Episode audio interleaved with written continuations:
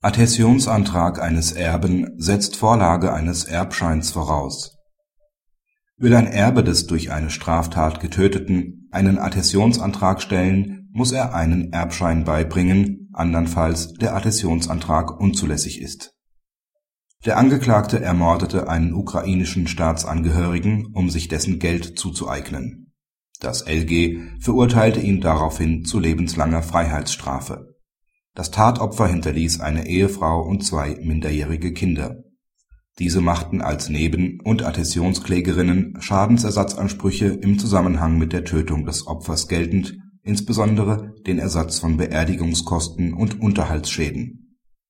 Das LG erkannte mittels Grundurteil im Adhäsionsverfahren darauf, dass die Klageanträge der Nebenklägerinnen dem Grunde nach gerechtfertigt sind.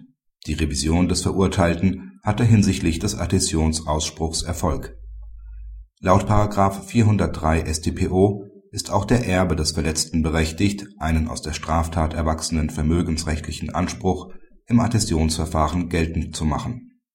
Nach der Entscheidung des BgH muss der Erbe jedoch einen Erbschein vorlegen, um sich diesbezüglich zu legitimieren.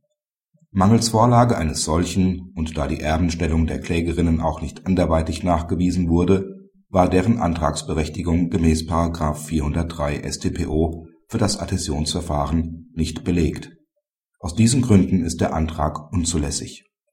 Praxishinweis Die Entscheidung hat weitreichende Bedeutung für Adhäsionsanträge eines Erben des durch Kapitalverbrechen Getöteten.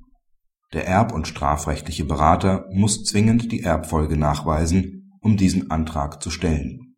Der BgH weist in einem Nebensatz der Urteilsbegründung darauf hin, dass nicht zuletzt die Anwendbarkeit internationalen Erbrechts möglich sein könnte, da das Tatopfer ausländischer Staatsangehöriger war, was das Legitimationserfordernis des klagenden Erben noch erhöht